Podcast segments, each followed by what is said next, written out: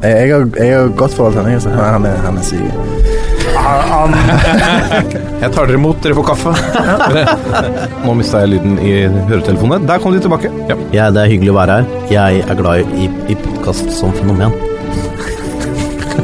Jeg må ut. hjemme mot Lyngen Karnes gikk de på et litt leit 0-19-tap eh, her. Hvilken divisjon snakker vi? Er det tredje eller fjerde? Fjerde, fjerdedivisjon. Og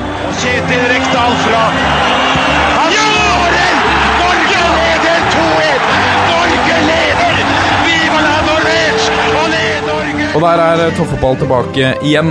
Nok en gang med undertegnede. eh, Martin Roppestad alene i programlederstolen. Og nok en gang for andre uke på rad med en knallsterk rekruttering av gjest. Vi har fått med oss en mann som har spilt i Asker, Vålerenga, Skeid, Start, Sheffield United, Stoke, Notts County. Eh, og eh, har trent Strømsgodset, Skeid og Årvoll. Anders Jacobsen, velkommen. Tusen takk. Du glemte den eh, klubben som eh, er nummer tre på lista, så noen ble litt sure for at jeg begynte å spille for. Lillestrøm, ja. Ja. Selvfølgelig. Fordi det er jo et poeng her. Du har spilt for både Vålerenga og Lillestrøm. Det har jeg. Eh, det var ikke veldig god stemning, kanskje? For min del var det jo ganske ok stemning. Det var spesielt noen av de som holdt med Vålinga som mente at det var et valg man ikke burde ta. Så, og jeg bodde på Adamstua rett overfor Bislett når jeg spilte i Lillestrøm. Og jeg våkna en morgen, og det var usedvanlig mørkt. Eh, akkurat eh, det, på den tida så ble den gården jeg bodde i, malt. Brageveien 1. Jeg kunne ikke skjønne at det var så mørkt dro for gardinene og så da til min ja, lille forbløffelse at noen hadde malt vinduene mine gule og svarte. Fordi gården var under maling og oppussing, og de, noen av de gutta som holdt på der, de var Vålerenga-fans. De mente vel at det burde markeres da hvor jeg bodde hen. Såpass. Var, men var rivaleriet hakket hvassere da enn det var nå, eller? Var det ikke Apeberget og på den tida der? I Vålerenga? Jo, altså det, jeg kanskje det var litt mer sånn Nå har Lillestrøm nesten blitt en by, tror jeg. Ja. Ja, Norges beste sykkelby, f.eks. Veldig fint å sykle i Lillestrøm. Helt flatt og ja, mye medvind i Lillestrøm, tror jeg. Eh, men, men da tror jeg den der by-land-dimensjonen var litt større. Og så var det kanskje litt eh, mindre filter for hva det var lov til å Eller lov til å si. Det var ikke lov til å si alt mulig på tribunen da. Man tillot seg å si alt mulig rart. Så kanskje det virka litt hardere på utsida. Men det var jo ikke så all verst trøkk på Vålinga-Lillestrøm nå ved forrige kamp, når Lillestrøm vant 3-0 og de prøvde å plante et flagg midt ute på banen der. Mm. Det var bra jord, de kan ikke være jordbrukere på Lillestrøm lenger, i og med at man prøvde å plante et flagg i kunstgress. Nei, Det er ikke Nei, noe som gror i kunstgress. det var veldig mye der som var eh, gode poeng. Eh, jeg gjorde jo litt research eh, før du skulle komme i dag. Jeg har fått et ønske fra uh, bl.a. min bror om at nå må du snart få tak i Anders Jacobsen. Så han har gledet seg. Du nevnes jo fortsatt i positive ordlag rundt, uh, rundt Stoke, bl.a. Uh, jeg leste en sak der fra 2008. Da ble du kåret til den niende beste utlendingen som hadde spilt for klubben. Kanskje det bare har vært ni. Nei, det, var, det har vært flere, både før og etter. Um, og nå i eh, Jeg tror det var i mars i år så sto det på Stoke on Trent. Det er vel en lokalavis der borte? Må være. Ja. Uh, Facebook-siden der så sto det Da var det en lokal jury da som hadde eh, plukket ut uh, de beste utlendingene som hadde spilt for Stoke. Og der fikk du beskrivelsen Anders Jacobsen, tall and thoroughly likeable likable Norwegian defender, part of that Nordic inva inva invasion. And he gets Vicky Larkins, må være et jurymedlem. Uh, vote because he is was great eye candy. Er det, et, eh, er, det et, eh, er det et stempel som du har hørt ofte? Det med eye candy, eller at jeg er den niende beste utlendingen der jeg, der, der Begge deler. det, er er kanskje litt verre å være den niende beste nordmann hvis du spiller på et lag bare bestående av nordmenn. Det er sant. Det tror jeg har vært en del, faktisk. Å, er det sant? Nei, kanskje ikke. Nei, Det var i hvert fall veldig fint å, å spille for Stoke. Nå skal jeg ikke si noe om liksom utseendet på de som bor i Stoke, at, men kanskje det skal litt mindre til å bli eye candy der enn andre steder. Men apropos, har, har du alltid Er du en av de som var, var du en barnestjerne, eller har du Har du på en måte måttet jobbe deg? Nei, jeg var ingen barnestjerne. Husker veldig godt at vi var i Scandia Cup, stor cup oppe i Trondheim og Asker, da jeg var eh, Lilleputt-spiller. Vi dro med 18 spillere og var 16 medaljer.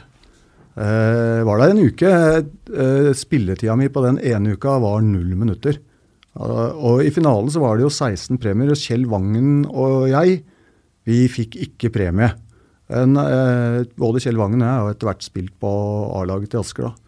Eh, Kjell holder med Nottingham Forest, forresten. Ja. Verdt å merke seg.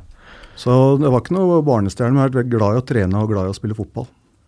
Ja, for jeg snakket med uh, Tom Stalsberg, som også har uh, lagt inn uh, et lyttespørsmål som vi kommer tilbake til. Han, skal vi, han må vi også ha inn et, i studio her veldig snart. Han sa at du Du har et rykte på deg for at Eller du liker å si at du er glad i å ta en fest, men sannheten er at du er en treningsmaskin uten like. Nei, Jeg, jeg, jeg later som jeg, jeg er glad i å feste. Ja. Eh, det var jo mer det at jeg kanskje i den perioden jeg var singel, var veldig på jakt etter kjærligheten. Det har blitt et program på TV nå, tror jeg. Ja, det Ja, Det var heldigvis ikke noe program om det, da. Men det, den jakten foregikk jo kanskje etter klokka ni på kvelden. Mm. Men uh, det var jo ikke nødvendigvis en fest. Det var jo mer et slags forsøk på å stifte en familie over tid. Nei, det var kanskje ikke det. Litt, okay. uh, men uh, alltid vært glad å trene, vært flink til å trene. Jeg har vært veldig klar over at hvis ikke jeg trener mye og bra, så henger jeg ikke med. Og det det, for- har det opprettholdt fortsatt i dag? Jeg er fortsatt glad i å trene. Nå er kroppen et uh, synkende skip. da. Bør kanskje bytte navn til Helgingstyle eller noe sånt nå. Hmm. Men uh, jeg er fortsatt veldig glad i å trene og sykle litt og gå litt på ski og holde meg i form. Hvem er du i dag, da? Hva, hva driver du med? Hva er du opptatt av, og hva brenner du for? Nei, nå er jeg jo familiemann. Jeg har to barn. Så, og så har jeg en kone. Veldig fin kone, Trine. Fine barn òg, altså. Ikke sånn så ment at ikke barn er fine. Men en hund. En fredag så sa han nå må, nå må vi få oss hund. Og på fredag da er man grei. Så sier man ja, hund er fint. For da, vil du ikke lage dårlig stemning. Jeg hadde aldri hørt om hun har vært sammen i 15 år eller noe sånt når hun sa det med den der hunden. Og så på søndag sa han nå har jeg kjøpt en hund. Det som er kult, hør nå, det er, det er skikkelig bra ikke så mye med fotball å gjøre, men med sosiale medier og sånn. Hunden han heter Bror, forresten. Ja. Han, eh, han fikk en eh, SMS eh, fra en annen hund. En annen hund. Fra Mandal, den andre hunden. da. Hadde sendt nakenbilde av seg selv til Bror. Ok. Ja, Og spurt liksom du, du bror, du, du er kjekk og sånn. Ja, og sånn eye candy for dogs. Der er du. ja. Det er mer eye candy i den familien, da. Ja, ja, hele familien. Så, så den, eh, den hunden foreslo, da, er litt via sin eier, at kanskje de skulle prøve å gjøre sånn at de får valper.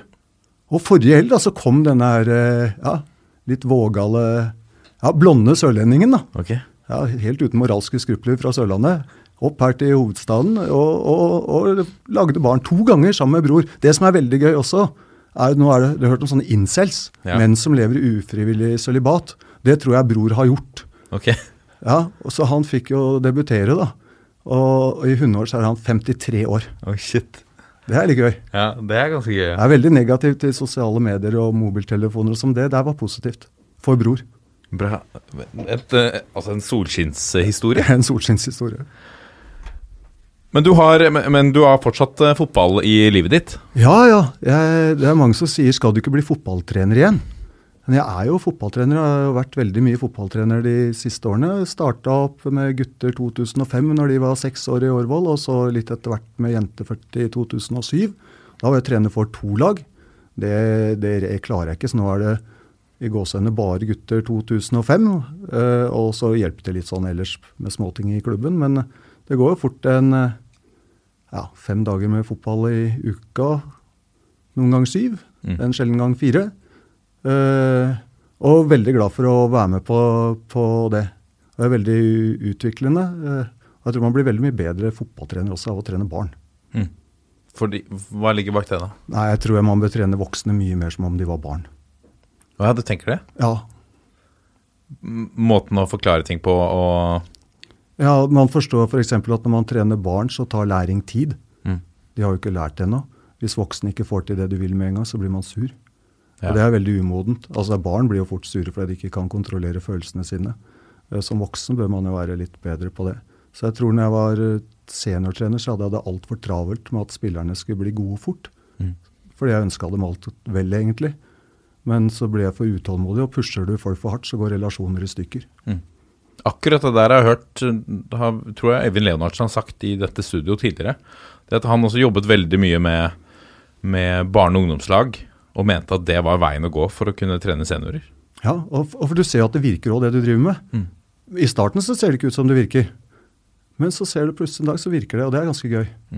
Men man må jo være tålmodig og tenke eh, at læring det er en prosess. Og det kan foregå masse læring inni en spiller uten at det syns på utsiden. Men hvis spilleren er i en prosess hvor han er i ferd med å utvikle seg, så vil det på et eller annet tidspunkt da, materialisere seg i måten han spiller på, eller hun spiller på. Hva drømte du om da du var liten? Jeg hadde noen, vi, vi hadde jo veldig mange drømmer når vi var små på, i Asker. Det var enten å spille hockey frisk eller fotball i, i Asker. Så vi hadde, vi hadde ganske bra planer, vi gutta som gikk på Hofstad barneskole. Reidar og Kjell og Dag og Øystein og Ola.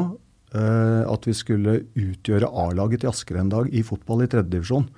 Og så kanskje sammen med Simen Agdestein. Han gikk, var ett år eldre enn oss og gikk på en annen skole. Også Anders Krokan, som også bodde der vi var der vi bodde, og et par til. Bjørn Erik Bjørnstad, en keeper.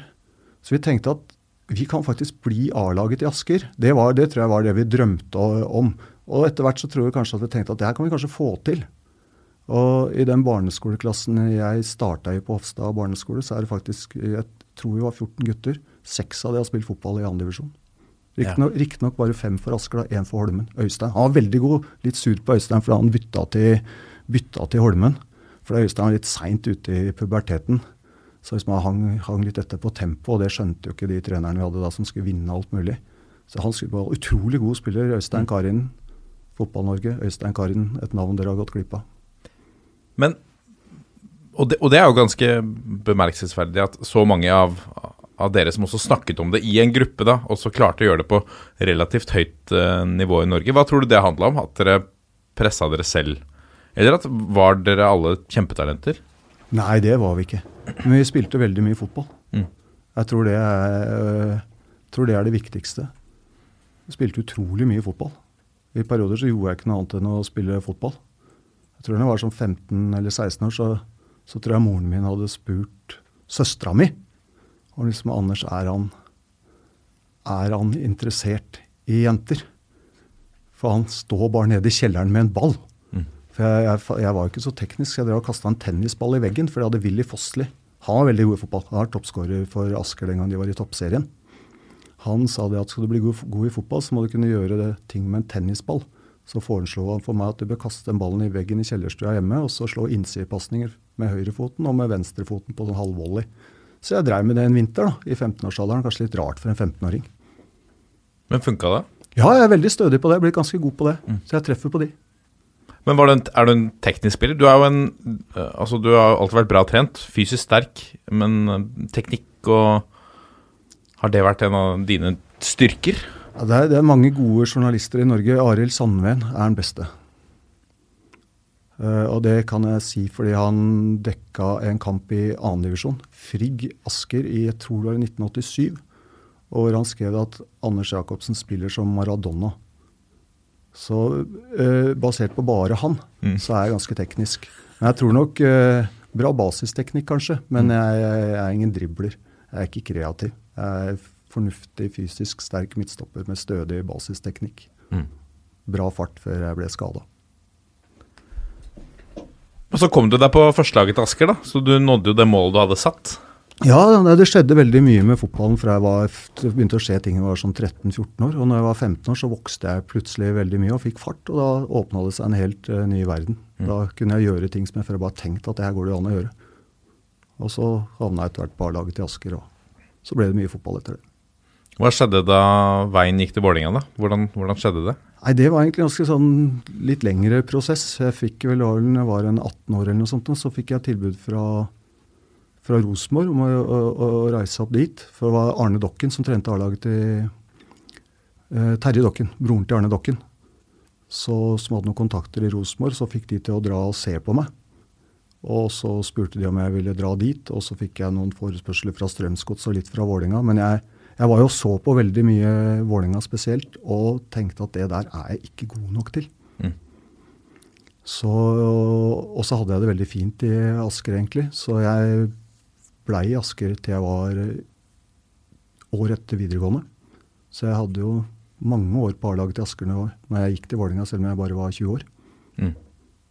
Og da var Asker i daværende andre Asker er alltid andre andredivisjon. Ja. Uansett hva de finner på, så er de i andredivisjon. Det er veldig gøy. De var ett år i førstedivisjon. Mm. Da var de under streken én gang, og det var helt på slutten i siste serierunde. Fordi jeg tror Strømmen slo Nybergsund 7-0 eller noe sånt nå i den siste serierunden. Ja. Ja, så, så Asker har veldig sånn stødig tilværelse i andredivisjon. Jeg har kjempehåp eh, hvert eneste år. og det, det er trenere fra Island og Skottland og spillere fra overalt. og De satser på egne gutter og andres gutter og alt mulig og holder på. Bra fotballakademi. Og så er de i andredivisjon. Det er det eneste som er sikkert i Fotball-Norge. Og så gikk du til Lillestrøm, rivalen, erkerivalen. Eh, og kombinerte studier og fotball. Ja, det var jo den perioden. Dette er jo midt på 90-tallet. Eh, 94 gikk jeg til, til Lillestrøm. Det var eh, Og de ble med på et sånt prosjekt på Olympiatoppen. Og da måtte, hadde jo Norge vunnet alt man kunne vinne. Så da var det veldig Vi trente utrolig mye. Og så studerte jeg ikke på Blindern samtidig. Så det gjorde jeg de årene jeg spilte i Vålerenga og i Lillestrøm. Så var jeg student og fotballspiller. Og på jakt etter kjærligheten. Ja, tre store engasjement, da. Som- tre viktige tinga. Hvordan, og da var du fulltids eh, fotballspiller i utgangspunktet. Ja. Hvordan gikk det å kombinere de, da? Nei, Det var, gikk jo sånn passe. altså Jeg måtte jo se på studiekatalogen på Blindern og ta de fagene eller kursene som passa best med treningstid. Så det var helt tilfeldig hva du på en måte uttala sånn, da? Ja, ja. Et år ble det sosiologi. Det hadde jeg egentlig ikke tenkt på i hele tatt. Men det var fint. Det var ganske bra studie også, forresten. Så det var, det, det var treningstiden som bestemte hvilke andre fag du tok de andre årene? Treningstidene har i stor grad styrt min utdanning, ja.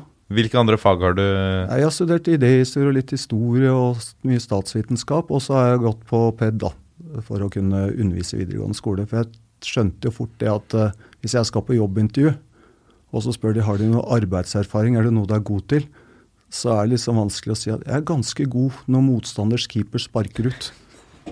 Er det noe dere har bruk for i deres bedrift? Og læreryrket er jo ikke sånn at det, du har ikke en karrierestige der. Og det ligner jo mye på fotball. Ja. Få en gruppe til å fungere, utvikling, se den enkelte. Det er veldig mange likhetstrekk. Mellom det og trenerrollen? Ja, veldig likt. Før vi gikk eh, i, eh, inn i studio, så fortalte du om eh, en episode med Teitur, Teitur Tordasson, som da var Lillestrøm-trener. Han mente at du ikke trente nok. Ja, men Han syntes jeg hadde veldig dårlige holdninger. Så jeg måtte på møte. Ja, Stemte det, da? Ja, Han syntes vi hadde dårlige holdninger. Jeg var jo ikke enig i det. Nei. Så jeg tenkte det, altså Når du er student, vet du, så er du opptatt av empiri. Altså hva er det som faktisk stemmer. Så jeg tok med en sånn liste vi hadde med resultater av på noe utholdenhetsløp vi hadde hatt, og noen styrketester og sånn. Jeg, jeg lå jo på toppen i alt av det der sånn. Så, så tenkte jeg at kan du ikke snakke med de nederst på lista først? Han syntes ikke det var noe morsomt. Så han, eh, han likte ikke å bli møtt med, med fakta? Nei, det hjalp i hvert fall ikke min sak noe særlig. Men, Og da syntes han på at jeg var useriøs og vanskelig. Å ja. Men hvor kom denne mistanken fra, da? Jeg, jeg tror vel kanskje det at jeg var litt uheldig. Okay. Fordi at han hadde, To ganger var han ute og gikk sånn nattetur med kona si. Sånn, og det var fint vær og sånn. Og så var jeg veldig uheldig å gå på han begge gangene. Oh, ja. Ja. Og da la han sammen at, at jeg er sikkert ute hver natt. Å ja, ok. Ja. Så at du var ute hver natt for å prøve å skaffe familie? Nei, nei, nei, jeg har ikke det. Men jeg, jeg traff han de to nettene jeg var ute. Ja. Og da måtte han ta en runde på holdninger? Da ble det runde på holdninger, ja. Og så kontra jeg igjen med fakta. Og det var ikke populært. Nei, det var, sikkert gjort litt sånn uh, halvprovoserende tilbake, tenker jeg. Ja, for du kan være provoserende? Jeg vet ikke, jeg. Jeg tror i hvert fall at jeg som fotballspiller har brukt altfor mye energi på å tenke helhet, og ikke bare tenke på min jobb som forsvarsspiller. Det har vært mye klok. Det var veldig befriende å spille fotball i England, hvor det ikke var spillerutvalg og mye meninger og mange ting. Det var veldig deilig å holde fokus på å være midtstopper og ferdig med det. Men hvordan var det forskjell fra Norge, da? Hva, hva tenker du på da? Helheten? Nei, der brydde jeg meg alt, om alt mulig. I Vålerenga brydde jeg meg om taktikk og spillekjøp og alt mulig, og blanda meg inn i ting som jeg burde holdt meg langt unna. Jeg ble sliten av det, og det var sikkert slitsomt for de, for de rundt meg også. Jeg mener jo selvfølgelig at jeg hadde mye rett. Det kan godt hende jeg hadde også, men jeg burde ikke gjort det. Hvorfor var det annerledes i England, da? Nei, Jeg husker jeg stilte Gary Megson, han var manager i Stoke, et spørsmål på treninga.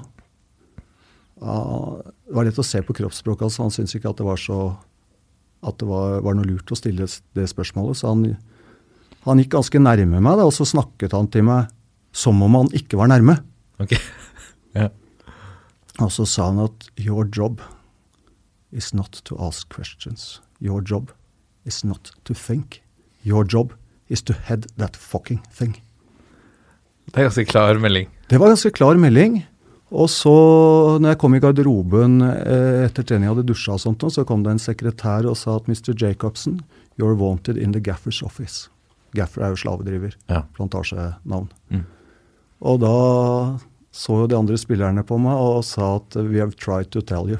Altså, De har prøvd å fortelle meg at du må ikke blande deg altfor mye. For da hadde du gjort det Jeg hadde jo stilt noen spørsmål noen ganger i pausa og litt andre ting også. Så, så, så opp på Megson sitt eh, kontor, da. Og så så han på meg og sa Mr. Jacobsen, have a seat. Og så satte jeg meg ned. da. Lang pause, han var god på det der. Veldig stille. Hørte sekundviseren. Og så sa han det at you're completely right. But you have to remember you're playing amongst morons. Ja. Så han sa at hvis du fortsetter med å stille sånne spørsmål, så vil det bli helt baluba her. Mm. De spillerne er vant til å få beskjed og gjøre så godt de kan. Du må gjerne ta det opp, men du kan ikke ta det opp der ute. Mm. For, og han ba meg ofte, etter kamper også, så ba han meg ofte inn på kontoret sitt, og så snakka vi fotball. For han var veldig opptatt av hvordan Norge hadde klart å slå England i fotball med så utrolig dårlige fotballspillere. Ja. Så vi snakket Og det var jo sant da. Ja, det De var var jo ingen på den det, tida. Det var sant, så jeg prøvde å fortelle mye om styrker og svakheter i soneforsvar. Mm. Altså tette farlige rom og spille på lav risiko mot eh, gode motstandere. Som eh, vi som spilte på 90-tallet var litt opptatt av. Så han, I starten av den historien så, så tenkte jeg på at han var en stor idiot, men det var han jo tvert imot. Ja, Han var ganske smart. Mm. Han bare måtte fortelle meg det og minne meg på det at det er tid og sted for ting. Mm. Og det burde jeg ha minnet meg selv på når jeg var sånn 22 år og 23 år. Jeg måtte jo bli 32 år jeg, før jeg forsto det. 33. Kan jo hende at eh, akkurat den holdningen der hadde, hadde lønt seg i Manchester United nå, f.eks. Det at man ikke At spillerne gjør jobben sin og ikke mener så mye om så mangt. Jeg tror det er veldig lurt å bruke kompetansen til medarbeidere i alle mulige bedrifter. I mediebedrifter, i fotballbedrifter, i alle mulige. Og, eh, og så må man være lojal når beslutninger blir tatt. Da. Mm. Så jeg, jeg tror jo at moderne lederskap i fotball involverer spillernes kompetanse i større grad enn hva man kanskje gjorde mer sånn hierarkisk kultur i den gamle engelske arbeiderklassen. da. Hvem er det du har lært mest av, av trenere, da? Jeg tror man lærer litt av mange. Alle trenere har gode sider. Så jeg syns det er vanskelig å sette liksom, fingeren på at den ene var veldig mye bedre enn den andre. Mm. Kjell Sverre f.eks., som var trener i Skeid. Hansen, Hansen Wolle. Hansen Wold. Mm. Årets unge trener i Norge i 2003 eller noe sånt. nå. Veldig god til å få spillere til å spille med selvtillit. Fantastisk egenskap som trener. Bjarne Rønning, veldig god til å få spillere til å dra i flokk uten at noen skjønner hvordan han fikk det til. Mm. Uh, Ole Nordin, veldig nøye på alt mulig, sånn at treningene fungerte bra. Steve Bruce, stor og sterk mann, veldig snill. Og varm og følsom. Mm. Uh, du, du følte at han ville at du skulle gjøre det bra. Gary Megson, kjempegod på organisering. Og sånn kan du holde på. altså Alle trenere har ulike, ulike ferdigheter. Men jeg tror den viktigste er å være god relasjonelt. Hva tenker du om Steve Bruce nå, din gamle manager i Newcastle? da? Var litt overrasket Ja, det var veldig rart. Ja. Jeg var i Aston Villa i fjor og, og røyk ut der fordi de hadde bra lag, men de spilte bra, han vant ikke kamper. Så det var jo ganske overraskende. Det har vært drømmen hans lenge da, å være i Newcastle, så nå er han jo omsider der. Du må Du ble jo englandsproff i en alder av 30, Ja. og året før det så var du på vei til å legge opp. ja, egentlig litt før det, for i 95 så hadde jeg sju operasjoner. Altså kroppen brøyt sammen. Problemer med knær og lysker. Og, Og da var det jo noen leger som sa at du bør ikke spille noe mer fotball. Og så røyk kneet igjen i 96, og det røyk en gang i 97. Og det var det samme rådet hver gang at eh, det er ikke sikkert at dette er noe som passer for deg. Men i 97 så ga jeg meg med studier og spilte bare fotball og fikk tid til å trene ordentlig med mye restitusjon. Og var på Sørlandet hvor vi spilte enten inne eller på gress. Ikke sånn på, i Oslo vi spilte ute på vinteren. Det er ute og kroppen min har ikke noen god kombinasjon. Så jeg fikk plutselig to fra 97, etter den siste operasjonen her, så fikk jeg to år uten en eneste skade var på alle treninger. Og det hadde jeg jo ikke vært siden 1991. Og da fikk jeg framgang igjen. Og så Hvordan var det, da? Som, som på en måte Det var veldig var rart. da? 29? 29 Ja, det var veldig eller 87? rart. Ja. Jeg begynte å føle meg ung igjen. Kunne løpe fortere og hoppe høyere. og sånn. Jeg følte meg sånn friere i kroppen. Det var veldig gøy. Og så satt du en dag på i kinosalen på Asker kino. Ja, eh, jeg er litt usikker på hvordan, det skjer, hvordan disse tingene foregikk. Men jeg fikk i hvert fall en telefon fra England og bare beskjed om at man sette deg på første flyet til Sheffield. Og så gjorde jeg det, og så gikk det en liten stund, og så var jeg blitt eh, Sheffield United-spiller. Og var, da hadde jeg jo egentlig gitt opp det jeg prøvde på sånn rundt 92, 93, 94, 95. Og, og, og prøve å bli proff og bli veldig god. Men jeg, jeg slutta heldigvis ikke å spille fotball og slutta ikke å trene mye. Så jeg, og den perioden jeg var dårligst, kanskje 96 er vel kanskje dårligste sesongen jeg har hatt, uh, med Skeid i Tippeligaen, da trente jeg hele vinteren to ganger hver dag. Ja. Hver eneste dag for å komme meg tilbake igjen etter alle disse skadene i 95. Så det tok jo litt tid, men det virka. Trening virker. Og så den eh, Så kom du til til, eh, til Sheffield. Um, ja, ja, du sier litt. Du hadde jo på en måte gitt opp den drømmen eh, litt. Hva slags klubb var Sheffield United på det tidspunktet? Nei, det var en klubb som hadde vært i Premier League like før, og som hadde, som hadde begynt å få problemer med høye lønninger. Så det var en klubb som prøvde å kvitte seg med spillere på dyre lønninger og få inn rimeligere spillere. Det var en veldig morsom spiller som var der, da, som, eller morsom og morsom, den er spennende i dag, Chris Wiler. Mm. Uh, manageren til Sheffield United, som burde fått Manchester United. Ja. Så jeg anbefaler alle å se mye på, på Sheffield United. Veldig lag med helt egen spillestil. Og, og hvis man sjekker eh, resultatene til Chris Wilder, da, så er de veldig, veldig bra. Altså Han har jo tatt lag opp fra alle nivåer i England. Men du kom fra start hos Sørlandet. Hva, hvordan var overgangen da til, eh, til Sheffield United og Premier League? Og ikke Premier League da, men eh, Championship. Nei, Det var jo veldig eh, annerledes. Det var jo fra å spille bare med nordmenn og sørlendinger til å komme Jeg var Christer Isaksen, da. Han, var fra, som han er oppvokst på Sørlandet. Han er fra Drammen. Og så var det Harald Ødmeld fra Sogndal og et par andre. Ellers var det mest sørlendinger som sa at det, det er så sinte, det er østlendinger. Men eh, i, i Sheffield United så var det jo, var jo hele kloden dekka. Det var jo grekere, russere eh, Og det var en bedrift. Jeg husker jeg hadde noen journalister på besøk der som lurte på hvordan det var å gå til en sånn bakgårdsklubb. Og, og da ba jeg dem å snakke med et par av grekerne. Eh, og snakke med en russer. Spurte Bl.a. Peter Kachuro. spurte han liksom, så Snakk med han hvordan klubben her er. Så gikk de bort og spurte han, "What- What is your name? My name is Peter. Where are you from? I am from Ukraine. Have you ever played a good game?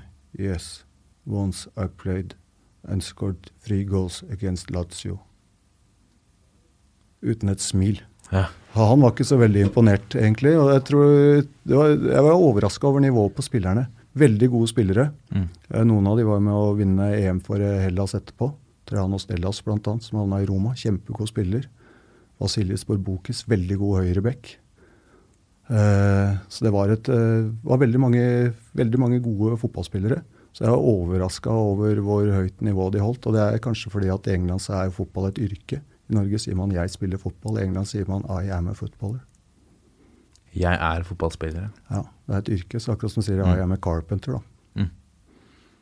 Men på den, på den tiden der så hadde vi jo Det var, det var denne Nordic Invasion som, eh, som eh, det fortsatt eh, snakkes om, hvor vi hadde over 30 spillere i Premier League. Ja. Så det at Anders Jacobsen på, på 30 år gikk til, til Sheffield United Følte du Fikk det mye oppmerksomhet?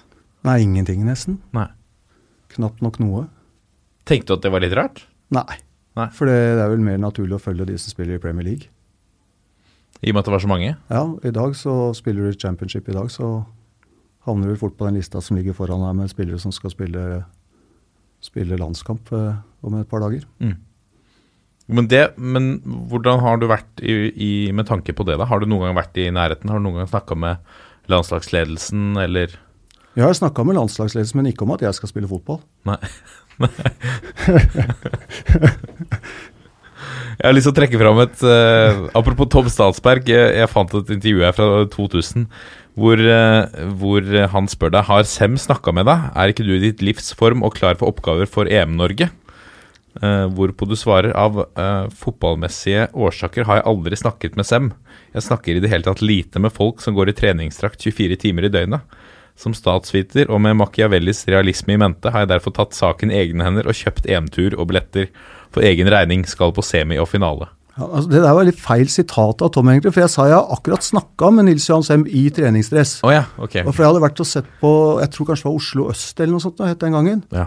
Pål Fredheim og Ja, ja. Jeg hadde vært og sett på, sett på de, og da var Sem der og så på fotballkamp. Ja. Og hadde på seg treningsdress. Jeg sa akkurat prata med han i treningsdress, men jeg tror ikke at jeg kommer til å bli invitert sammen med han i treningsdress.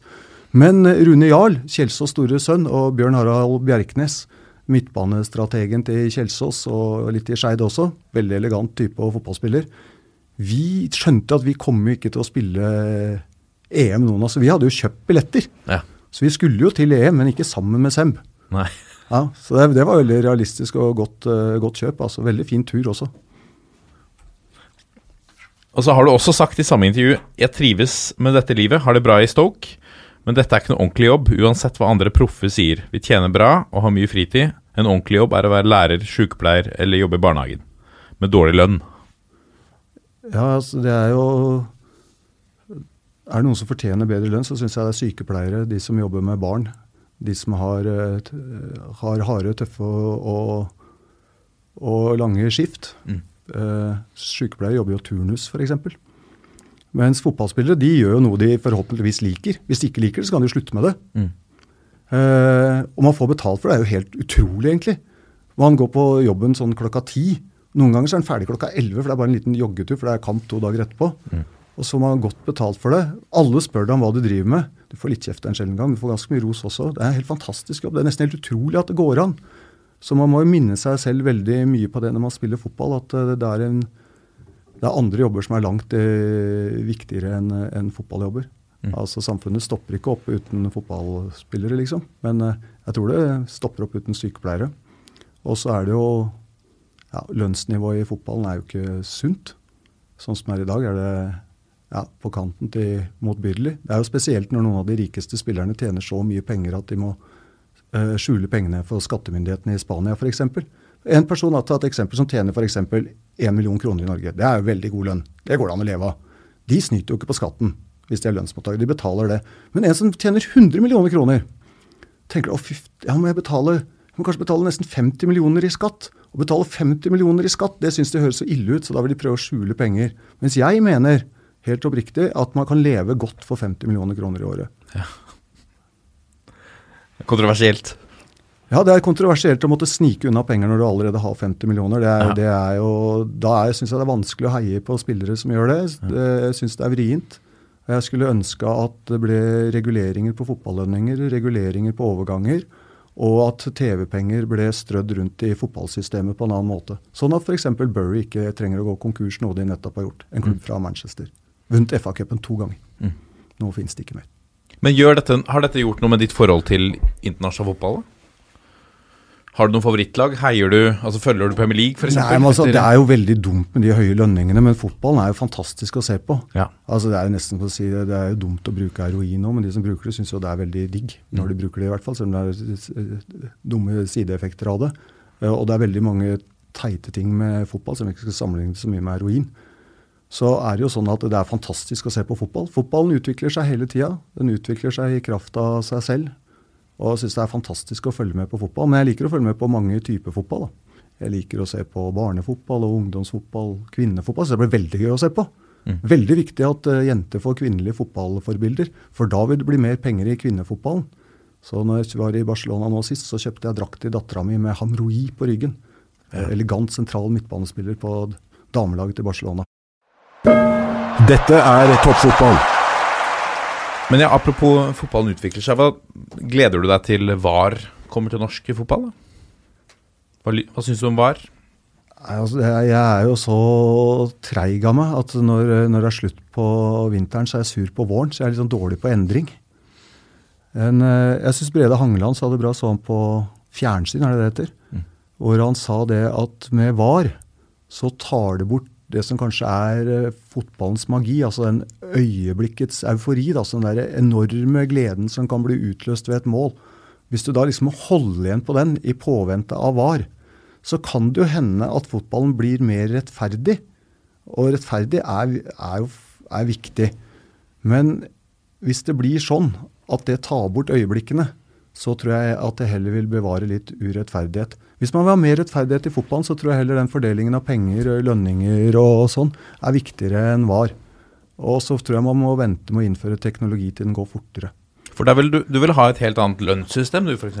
Ja, jeg kunne godt tenkt meg Det er ikke så mange ting jeg liker med, med USA og, og marked og økonomi og kapitalisme og sånn, men jeg har veldig sansen for hvordan de forsøker å utjevne konkurransefordeler i fortrinn blant eh, lagene i, i amerikansk idrett. Eh, I NFL f.eks. så tror jeg det var tolv ulike vinnere på 13 år, for at de har et drafting-system som gjør at de svakeste lagene plukker spillere først. Og så har de et lønnssystem som gjør at eh, klubbene har relativt eh, lik lønnspott, som de da kan fordele mellom spillerne sine. Og det utjevner jo forskjeller mellom lagene, så de ikke får noen sånne superrike klubber som ja, Det er jo ikke gitt hvem som vinner Premier League, men det kommer ikke til å være mange Leicester-historier. Og det kommer ikke til å være mange lag, bortsett fra Real Barcelona, en sjelden gang Atletico Madrid, som kan vinne i, i Spania. Eh, og, og det tror jeg er kjedelig for fotballen, og på lang sikt så tror jeg det er veldig dumt. Vi må tilbake til uh, karrieren din litt. Uh, jeg vil jo gjerne høre litt mer om, uh, om Stoke, f.eks. Altså, dette er jo en klubb som, som har Er en klubb som ligger mange nordmenns hjerte nært av historiske årsaker. Og nå er de jo eh, altså, oppe i toppen igjen etter å ha hatt noen eh, år i, eh, i litt lenger ned i divisjonene. Hvordan var Stoke da du kom dit i Var det 99? Ja, nei, Det er en veldig fin klubb, veldig varm klubb. Den er ikke så stor, og den ligger jo litt sånn for seg sjøl der. Og det er, ikke, det er ikke så mange turister som drar til Stoke. Det er bare å dra til stok, så skjønner du hvorfor det er så mange turister som drar til stok. Men det er veldig hyggelige folk. Husker vi hadde en trening blant annet en gang hvor det var, det var utrolig dårlig vær. Det er alltid dårlig vær midt i England. Det regner veldig mye. Han Trajanos Dellas han i Sheffield han kjøpte seg forresten en kabriolet en gang. Da begynte alle å le, for jeg lurte på hva han skulle bruke den til. Men uh, ha, det var noen nordmenn som hadde sett på treninga vår, og det regna og snødde litt om hverandre. Det var utrolig kaldt og surt. Og så hadde de gått inn i resepsjonen og spurt om det var mulig også å få noen eh, autografer. Og da, da kom han uh, Narger Pearson. Han har vært trener i Leicester, forresten. Ja, ja. Han, han kom og, så, og, og, og sa til meg at nå må du ta deg av de landsmennene dine. Det er nordmenn der ute. Det er ganske ofte nordmenn på besøk i Stoke. Ja, ta jeg, jeg skal gå og treffe dem etterpå, sa jeg. Ja, de fryser! Ja, jeg, jeg skjønner det er kaldt og jævlig, og sånn, jeg skal forte meg. Ja, du må ta dem inn i, inn i garderoben. Og så må du, lage, eh, må du få dem opp i badekaret. Og så har vi fått en av de andre gutta til å lage kaffe og toast til dem. Okay. Så da kom de gutta inn, og de hadde tatt seg et par øl og sånt, de var veldig blide. Så de kom inn da, og fikk lagt seg i garderoben i badekaret og Herlig. bada og fikk kaffe og en toast. Og da sa jeg nå, nå får vi kanskje to supportere til. Ja. Så det var en veldig varm og fin klubb. Eh, trivdes utrolig godt. Og veldig, syns jeg i hvert fall, da, OK supportere. De er veldig gode til å bedømme utenlandske spillere, har jeg skjønt, nå av de kåringene deres. du får i hvert fall betalt for god innsats. Jeg husker vi spilte en sånn cupkamp borte mot Chesterfield. Da snødde det. Mm. Det Utrolig kjedelig kamp. Skjedde ingenting. Og det var ganske dødt i garderoben òg. Jeg tror mange syns litt synd på seg sjøl. Liksom, det her er jævlig, liksom. Det er så kaldt, og det er bare dueller, og skjer ingenting. Det var vanskelige forhold. Så sier Megson at jeg, jeg skal ikke si noen ting egentlig til dere nå. Dere skal gjøre én ting. Jeg vil at dere at dere går ut og så tar dere en titt på Stoke-fansen. Bare gå ut og ta, bare ta en titt på dem, og så går du ut og spiller sånn som du tenker at de fortjener at du spiller i annen omgang. Så vi tusla ut der og titta på dem. Da, da hadde det begynt å snø skikkelig mye og blåse opp litt. Alle hadde bar overkropp og sang. Jeg tror også alle damene hadde bar overkropp. Så da var det jo bare å si ok, hvis de kan stå der i bar overkropp, da får vi gi litt mer. Jeg, tror vi, jeg husker ikke hva vi vant, men vi vant i hvert fall. Du har blitt kalt eh, for The Tin Man. Hva Ja. ligger bak det kallenavnet? Eh, Fordi jeg ikke kan bøye meg. Så jeg løper med veldig rett rygg. Ja. Jeg er veldig stiv. Eh, Jeg har prøvd å tøye mye, har ikke hjulpet. Når jeg spilte i Lillestrøm alle operasjoner, så måtte jeg på, gå på Balletthøgskolen. Ja. Ja, jeg ble sendt dit da, av noen kirurger på Volvat. De var veldig flinke, de fikk orden på meg. Så, så jeg gikk på Balletthøgskolen og tøyde sammen med sånne profesjonelle dansere på stretching. Det var så streng, veldig streng dame. Jeg sto bakerst, da, så sa hun du fotballspiller, du ikke bare titter, du også tøyer litt. Så da måtte jeg tøye. Ble litt mykere, men eh, ikke mykere enn at jeg ja, var litt eh, stiv innimellom. Så jeg løper med rett rygg, og mange tror jeg er veldig mye høyere enn hva jeg er pga. den rette ryggen. Å ja. Det hjelper deg kanskje som, eh, som midtstopper, da? Å se høy ut? Ja. Nei, det hjelper ingenting å se høy ut. jo, men det- Sette litt frykt i, i, motspillerne? Nei, det var rope høyt, sette frykt i dem. Okay, så roper navnet ditt veldig sånn høyt og brutalt før du skal nikke. Ja. Så tenker du å nei, nå har han mista det. Og da kan det hende at du ikke har tenkt å nikke ballen i det hele tatt. Så det, jeg har mer tro på veldig sånn grov og sånn aggressiv stemme. enn, men det er en fordel å være høy. Men da folk, tror du folk har sett på deg som en litt tøff spiller? Nei, noen, En rå spiller, liksom? noen gjør nok det. Jeg fikk jo mange gule kort i Norge, men nesten ingen i England. Nei. Jeg, jeg syns det var lettere å spille fotball i England, for det var lov å ta i litt mer. Men eh, det var spesielt den 96-sesongen hvor jeg var tung og hadde trent mye etter skader og sånn. Da var, da var jeg seint ute i mange dueller. Også. Jeg var veldig seint ute. Jeg tror jeg fikk åtte gule kort eller noe sånt nå. Og var 22 kamper i Tippeligaen. Jeg så, det var en, eh, jeg så det var en lytter her, det rakk jeg ikke å få med i lista, men jeg husker spørsmålet som lurte på hvilken Hvilket gule eller røde kort eh, du har fått var eh, mest fortjent? Jeg har bare ett rødt kort, da. Oh, ja. I karrieren?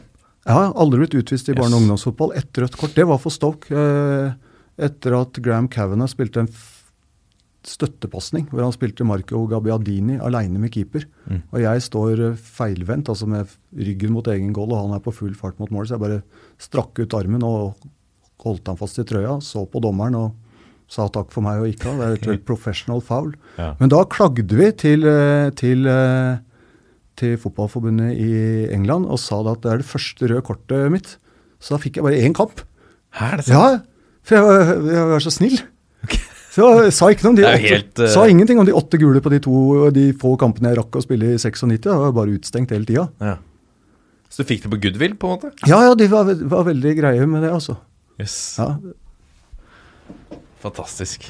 Så, men eh, jeg tror jeg har fått Jeg har dratt på meg veldig mange dumme gule kort. Ja. Og jeg har tenkt at eh, hvis jeg vinner den ballen der nå, så er det veldig veldig viktig. Og så har det ikke vært noe viktig i det hele tatt. Rune Bratseth sier veldig mye klokt om det der sånn. Okay. Ja, altså stå på beina. Det er ikke alle baller som er viktig å vinne. Så må man være litt mer kynisk, da. Jeg er klok, da. Ja. Ja. Ikke bare aggressiv. Du har spilt i Notts County. Ja. En av tolv klubber som stifta fotball Altså Football League i 1862, eller 1888 ble vel ligaen stifta. Ja. Klubben ble stifta i 1862. ja. Hvordan var det? Går det ikke for å være en av verdens eldste klubber? Jo, og det er like konservativ som er gammel. Det var, eh, de røyk jo ut av proffsystemet i fjor, dessverre. Ja.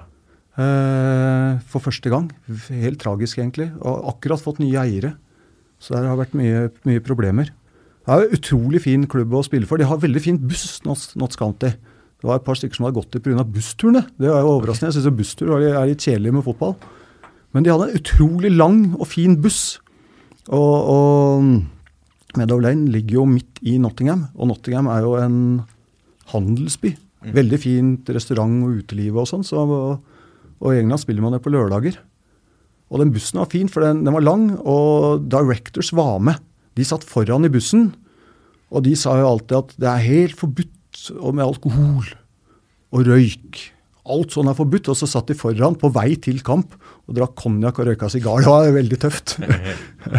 så det, det var en uh, artig engelsk klubb å spille for. Og når jeg, når jeg kom dit, så var jeg eneste ikke-briten.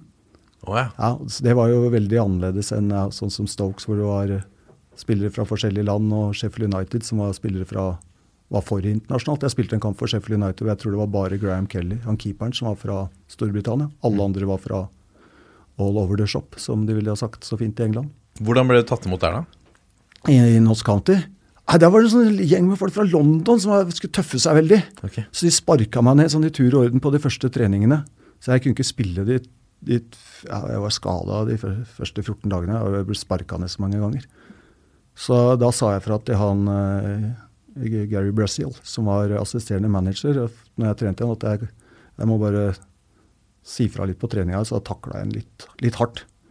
Okay. Og så sa jeg fra at nestemann som, nestemann som gjør noe sånn med meg, han brekker jeg beinet på. Å ja. Ja. Uh, Rett og slett? så, og så ble jeg sendt hjem da, fra den treninga. ja. Og så fikk jeg være i fred. Men det, sånne historier har man hørt litt. Man har hørt historier om Vinnie Jones og Gassa og sånn fra de tidene der hvor, hvor, eh, hvor Gassa var et stortalent, og Vinnie Jones sa til henne i tunnelen at eh, hvis du holder på ballen i mellom tre sekunder, så brekker jeg begge beina dine. Var det litt mer sånn unntakstilstand den tida der? Var, var det lov å være litt tøffere? Det var jo mye sånn prat i, så når du sto i tunnelen du skulle gå ut. Så jeg fikk veldig mye beskjed om at eh, jeg burde finne arbeidsplass et annet sted enn i Storbritannia. Okay. Ja, det var mange som var veldig opptatt av det der med arbeidsinnvandring, la jeg merke til. Ja. Eh, så, så jeg fikk ganske klar beskjed om det at hvis jeg ikke begynte å jobbe i et annet land, så ville de gjøre noe med saken der ute. Det var noen som prøvde ganske hardt også, faktisk. Så Hvordan. Dette må du forklare nærmere. Nei, det er vel at de prøver med sånn, eh, hva er det heter for noe? Intimidation. Altså de prøver å få deg til å bli redd, prøver å få deg ut Ja. av fokus og sånn. Det syns jeg egentlig bare er veldig, veldig gøy. Ja. Ja, Da blir man kjempemotivert, da. Og så er det gøy som later som han er litt redd også. Ja, ja. Gjør seg litt liten og sånn. Og så tar du bare maks fart i første duell, ikke sant. For da tror du, den du spiller med, tror at du er redd, og så er du ikke det allikevel. Jeg er egentlig bare modig når det er fotball. Jeg er ganske redd ellers. Jeg er høyde, høydeskrekk litt redd for mørk og jeg er redd, for- jeg er redd for fart og Men baller nok da, til å si at du knekker beina på neste som setter inn en stygg takling? Ja, det ville jeg jo ikke gjort, men jeg sa det i hvert fall. Ja. Var det ehm, Altså, du, du har jo spilt der da, da Altså, igjen, da. Nordic Invasion. Uh, du er litt inne på det. Var uh, Hvordan ble nordmenn generelt liksom tatt imot i, i, i fotballen? Hvordan så de på nordmenn? Jeg tror de egentlig syntes det var lett å ha oss med, for at vi fungerer fra dag én pga. språk. Mm. Altså Vi er selvstendige, klarer å ordne opp med å bo og handle og bil og alt det der praktiske. Sutrer ikke. Mm. Stå på. Så jeg tror egentlig det var lette arbeidstagere å ha med å gjøre. Jeg tror, tror det at mange av de som hadde vært der før meg, hadde gjort en kjempejobb der i forhold til å vise at de var profesjonelle og ydmyke og flinke til å stå på. Hvor enkelt var det å komme dit som, som, som 30-åring? da, Skaffe seg på en eller annen måte et nytt nettverk og få seg venner og, og den biten som fotballspiller? Jeg fikk en enorm telefonregning, da. Okay, ja. Veldig mye ringing og så mye lunsjing. Men det er liksom grenser hvor lenge du kan spise lunsj med de samme gutta hver dag. ja. Så det er jo en litt sånn rar tilværelse. Du, du trener, og så spiser du kanskje lunsj med et par av gutta på laget. Kanskje en fra Hellas som ikke er så god i engelsk, og en fra Russland som ikke er så god i engelsk. Og så sier du I think pasta. Så sier han yes, I also think pasta. Og sånn eh, går konversasjonen litt eh, smått. Eh, og det er jo litt rar tilværelse, egentlig. Til slutt så blir du sånn tiltaksløs. Hva skal du til uka? Jeg vurderer å gå i banken. Hvis jeg rekker. Ja. Selv om jeg ikke har noe å gjøre. En dag jeg var halvskada, så bestilte jeg takeaway fra det samme stedet tre ganger. Og da samme fyren kom på døra, da han så han bare på meg og tenkte at han, han der har det ikke så fint, egentlig, han der. Nei. Jeg, jeg kunne prøvd å forklare det, jeg kan ikke gå, for jeg har en lårhøne. Ja. Jeg sa jo ikke det, men det viser jo liksom bare litt om altså at du Men var det litt ensomt? Ja, det var, livet, liksom? Ja, ensomt og ensomt. Det, det går ikke an å klage på det, det livet, for det var veldig fint. Eh, og hun som nå er kona mi, hun pendla fram og tilbake og besøkte meg masse. Hadde mye bra besøk av gode venner som, som kom ofte, og familie. og Engelske fotballspillere, fantastisk folk. Veldig hyggelig når du kommer inn i varmen. Kjempegreie, tar deg med på alt mulig, ber deg hjem til familien sin. Men de er jo ikke nære venner. Nei. Så jeg tror vel alle som er langt unna de beste vennene sine, savner dem innimellom. Men det er ikke det samme som å være ensom. Jeg plukka opp eh, en annen sak som du har sagt i, eh, da du var gjest i FC Fotball, tror jeg. Um, uh, og det handler om Notts County Syden og Adolf Hitler-kostymer. Ja. Det, det er det at uh, i Notts County så drar de på tur etter sesongen. Uh, og da går de på sånn teaterskole i, i Nottingham og låner kostymer, men du får ikke lov til å plukke sjøl. Dette er bøter som spillerne får gjennom året. da. Du får bot for å gå uten flipflops. Ett pund per minutt er for seint eh, til trening. Du får ganske tøffe bøter for gule og røde kort og sånn. Så går alle de pengene til en slags avslutningstur hvor de kler seg ut og, og reiser med. Fordi dette med botur og sånn er et kjent fenomen også fra norske spillere, men det med Ja. å kle seg ut er kanskje litt Ja, det, De dro den litt lenger der, da. Så, Men ett år så hadde de kledd ut en som Adolf Hitler. Men han hadde visstnok fått juling først i kvelden, så han fikk lov til å bytte kostyme. Ok. Ja, Så det var ikke så vellykka. Hva er det, Hvilken bot var det som gikk igjen eh, på Anders Jacobsen? da? Dårlig humor. Oh, ja. Ja, dårlig humor. Tatt hardt? Ja, altså for, Bruker for lang tid på å komme til poenget. For fuck's sake, Anders, get to the fucking point I. Og da var det bot. Men eh, Og så fikk jeg noen bøter bare for å være norsk. Å ja, okay. Ja, Det, det la jeg en appell på, men det, det, da tapte jeg ofte. da, For da var det liksom best å være engelsk og norsk i England. Da, da ble det ekstra bot at jeg ikke hadde forstått det ennå, liksom. Nå har du bodd der et par-tre år, og du, du skjønner ikke fortsatt at du er norsk. Brutalt. Ja. For lange historier, da, eller? Jeg har brukt for, mange innskutte bisetninger da, og for lang tid med å komme til poenget. Så det er- støtter jeg i måten jeg prater på. De hadde jo helt rett. Burde fått tøffere bøter og lært. Fengsel, kanskje. Hvem er den beste du har spilt med, da? Jeg syns jeg har spilt med veldig mange gode fotballspillere. Eh, I Norge så er det fort gjort å si Henning Berg og Lars Bohin f.eks. Henning som har så mange landskamper og har vært med på å vinne så mye. Veldig vinnertype. Utrolig god til å bli bedre i fotball. Er det mulig å bli så mye bedre? Ta alle utfordringer på en så god måte. Jeg bare, jeg bare roper heia Henning for det. Vanvittig imponerende. Eh, en annen som imponerte meg veldig i Vålerenga, var eh, snapperen. Utrolig Egil Johansen. Utrolig god fotballspiller. Sterk, rask, kreativ. Morsom også. Litt useriøs, kanskje. Veldig god. Eh, i, Lillestrøm, undervurdert spiller, som jeg syns var best når jeg var der. Jan Ove Pedersen. Hvorfor spilte ikke han sentralt? Hva har kamp sentralt på banen der, da? Bukken, Ståle Solbakken, Kåre Ingebrigtsen. Han burde spilt sentralt. Hører du det, Jan Ove? Du brukte deg sentralt. Kjempegod. Eh, I England var det jo mange gode. Eh, Gregorios Donis, kanskje. Tror jeg kanskje er den beste jeg har spilt med. Og Ta med Ronny Johnsen, da. Ja. Han var ganske god. Men jeg tror kanskje Gregorios Donis i Sheffield. Vanvittig fotballspiller. Mm. Gamle stjerna til Panantinaikos. Ja, ja, Han, han kunne drible. Hvem er den eh, beste du har møtt, da? Eller den verste, kanskje? Og verste var det mange som jeg ikke husker navnet på, egentlig, alle sammen. Eh, Noen av de var, eh, var vonde og harde å møte. Ify og Nora på Gillingham, f.eks.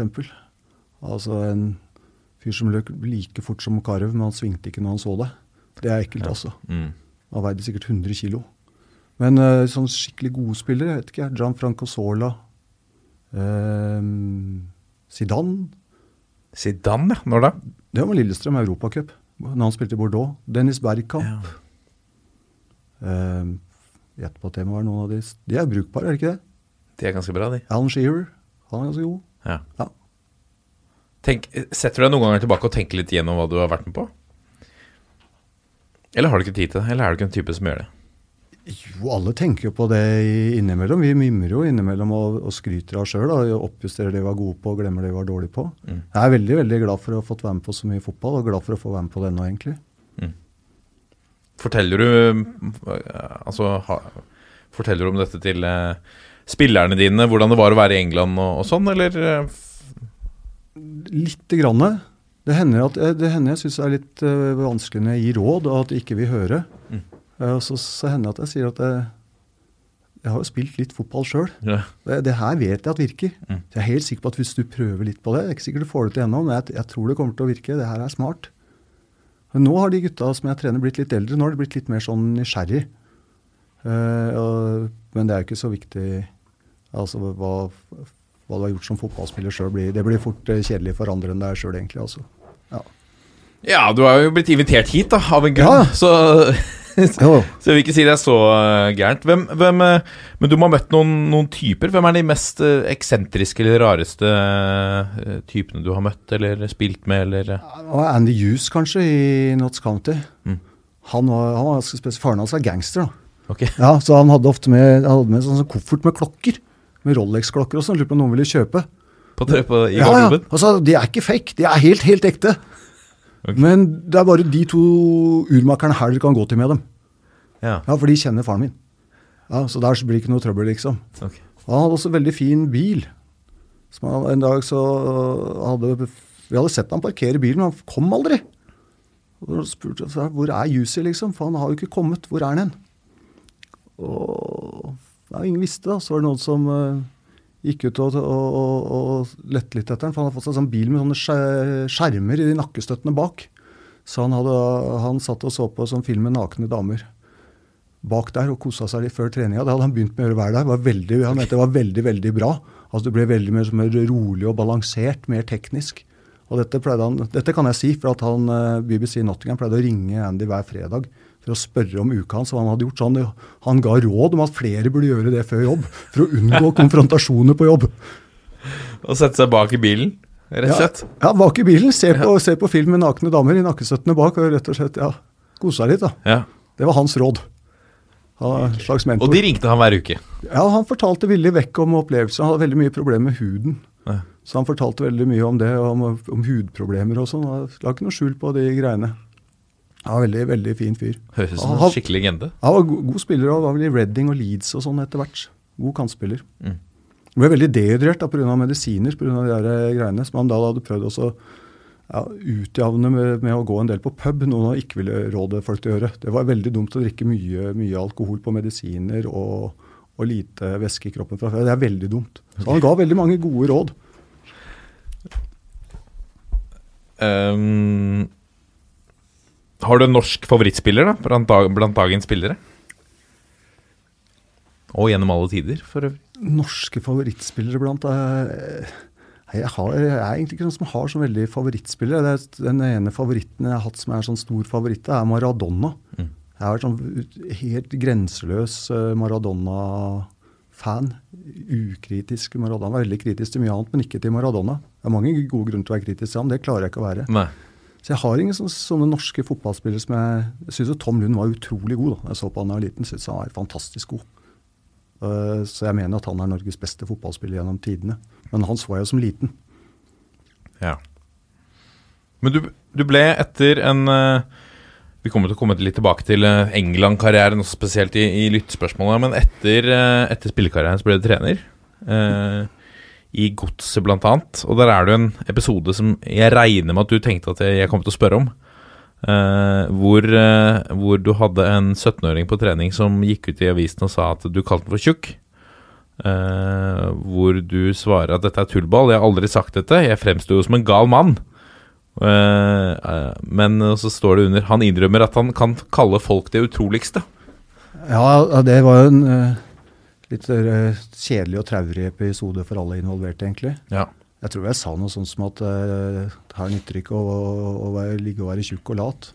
Eh, og det jeg mente med det, var at når du er på fotballtrening, så må vi få ræva i gir. Mm. Men det var en utrolig dum måte å si det på til en ung gutt som var på prøvespiller. Mm. Men det var jo kjedelig for, for, for meg, og kjedelig for han, syns jeg også, at dette her ble jo en svær sak i VG. Det var til og med på andre nyhetsoppslag på Dagsrevyen på TV. Uh, Sånn sett så ble det kanskje tatt litt ut av proporsjoner, for det tror jeg vi kunne rydda fint opp i hvis han hadde sagt meg at vet du det der det satte jeg ikke noe pris på, liksom. For da hadde jeg sagt at det var utrolig dumt sagt av meg.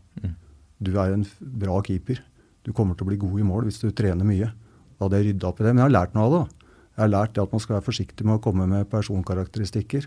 Og jeg lærte også det at når du er i en posisjon hvor du har makt, så må du vekte ordene dine annerledes.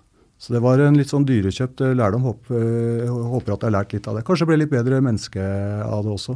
Men jeg syns det var tatt litt ut av proporsjoner også, jeg må si det. Det er jo en slags egen sjargong når man er ute på en fotballbane som, ja, som kanskje kan eh, gå gærent noen ganger. Da. Var det litt av kulturen fra England som spilte inn? Har det preget deg litt Eller preget deg litt som trener da? Litt tøff? Jeg tror det prega meg i altfor stor grad. Altså at jeg tok med meg en måte å kommunisere på som er veldig direkte og kanskje litt konfronterende. Som fungerte der for å få opp adrenalinnivået. Eh, som jeg hadde troa på at kanskje ville virke. Som, som jeg syns er mangelvare i norsk fotball. Kona mi sa det hun så meg spille litt for Skeid på slutten. Så spurte jeg hva syns du om det laget her, da? Og så spurte hun hvorfor kjemper ikke spillerne? Det er en ganske grei beskrivelse. Det var kanskje litt av det jeg prøvde å, å få til, men med et virkemiddel som ikke passa for den norske konteksten. Føler du det i dag når du ser Eliteserien? Samme tingene? Eh, man skal være veldig forsiktig med å si det. Eh, men, men jeg tror jo at det, det er mye å gå på når det gjelder ærgjerrighet hos fotballspillere. Jeg tror veldig mange fotballspillere tror de gir alt, men de har aldri gjort det. Jeg, jeg tror jeg aldri har gitt alt sjøl heller. Jeg har masse å gå på. Jeg tror jeg har veldig mye å lære av andre idretter som er mer seriøse utøvere der. Være mer målbevisste, være ærlig med oss sjøl når vi evaluerer hva du har gjort. Og så er det tøft å spille fotball. Det er vanskelig å motivere seg eh, til så mange konkurranser. Skiløpere og sånn, de har en femmil i ny og ne. Fotballspillere konkurrerer to og tre ganger i uka. Eh, og i mellomtida konkurrerer de om å få lov til å spille. Så, og, det, og det er tøft, men eh, skal være veldig forsiktig med å si at norske fotballspillere ikke har god innsats, for det har de. Men jeg tror det er litt å gå på. Men jeg tror ikke det virkemidlet som jeg prøvde å bruke noen ganger, var noe smart. Du er trener nå. Hvordan Har du funnet noen andre virkemidler som har funka for å Jeg prøver bare å bruke det jeg kan om pedagogikk. Jeg prøver å, å trene fotballspillere sånn som jeg underviser elever. Eh, bygge gode relasjoner. Eh, fasilitere sånn at eh, øvelsesmomentene ligger i den øvelsen vi gjør, og så spiller vi masse. Fotball lærer eh, The game is the best teacher, er det noen som sier. Eh, det er ganske bra uttrykk. Være tålmodig. Det tror jeg er ganske klokt. Så Noen ganger så tenker jeg at hvis jeg kunne trent et A-lag, sånn som jeg trener de 14-åringene jeg har i Årvoll, så tror jeg det laget kunne blitt ganske bra. Men jeg tror ikke jeg hadde fått eh, lov av f.eks. klubbledelsen til å holde på sånn, for det har gått for langsomt. Ja. Det har tatt for lang tid før ting begynner å virke. Så Sånn sett så er det fint hvis Ronny Deila fortsatt får tid, da, selv om noen sier han ikke skal få mer tid. Jeg håper han får mer tid. Kjenner du deg litt igjen i den lederstilen? Er det, det litt det du sier? Nei, Jeg sier ikke noe mer enn det enn at når jeg forsøkte å være fotballtrener, så tror jeg jeg prøvde å bruke virkemidlene som du bruker når du er spiller ute på banen. Som er en sånn kommandostil. For at han du spiller med ved siden av, hvis du vil at han skal falle av femmeter, så man gjør det med en gang. Så jeg tror at mange av de jeg trente, oppfatta ting på en måte som om, som om det var påbud når det var ment som råd. Og da havner folk i forsvarsposisjon. Det er vel også litt av utfordringen kanskje i klubber som Vålerenga. at Tid er en knapp faktor.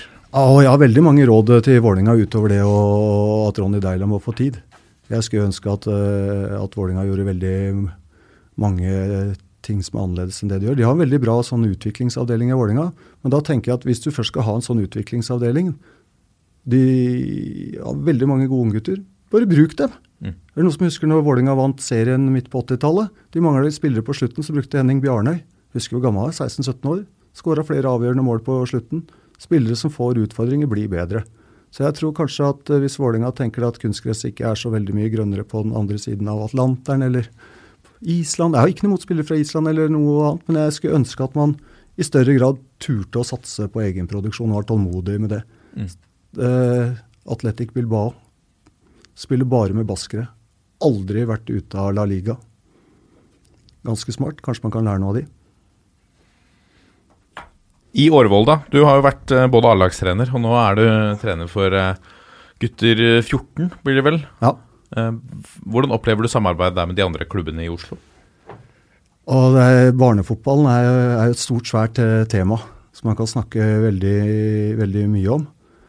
Eh, det jo, har jo blitt sånn i, i barnefotball nå at eh, barna bytter klubb veldig tidlig.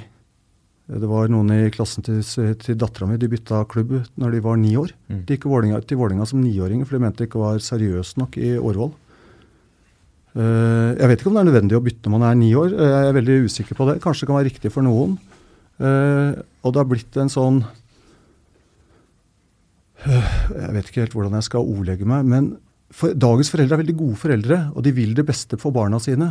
Og når det finnes tilbud som er bedre enn det vi har i Årvoll, for det finnes det, det fins klubber som, mye, som gjør veldig mye bra, så er det nok vanskelig hvis du har et barn som har lyst til å bli god, og som, og som vet at det finnes et tilbud, og som har hørt at en annen benytter seg av det tilbudet.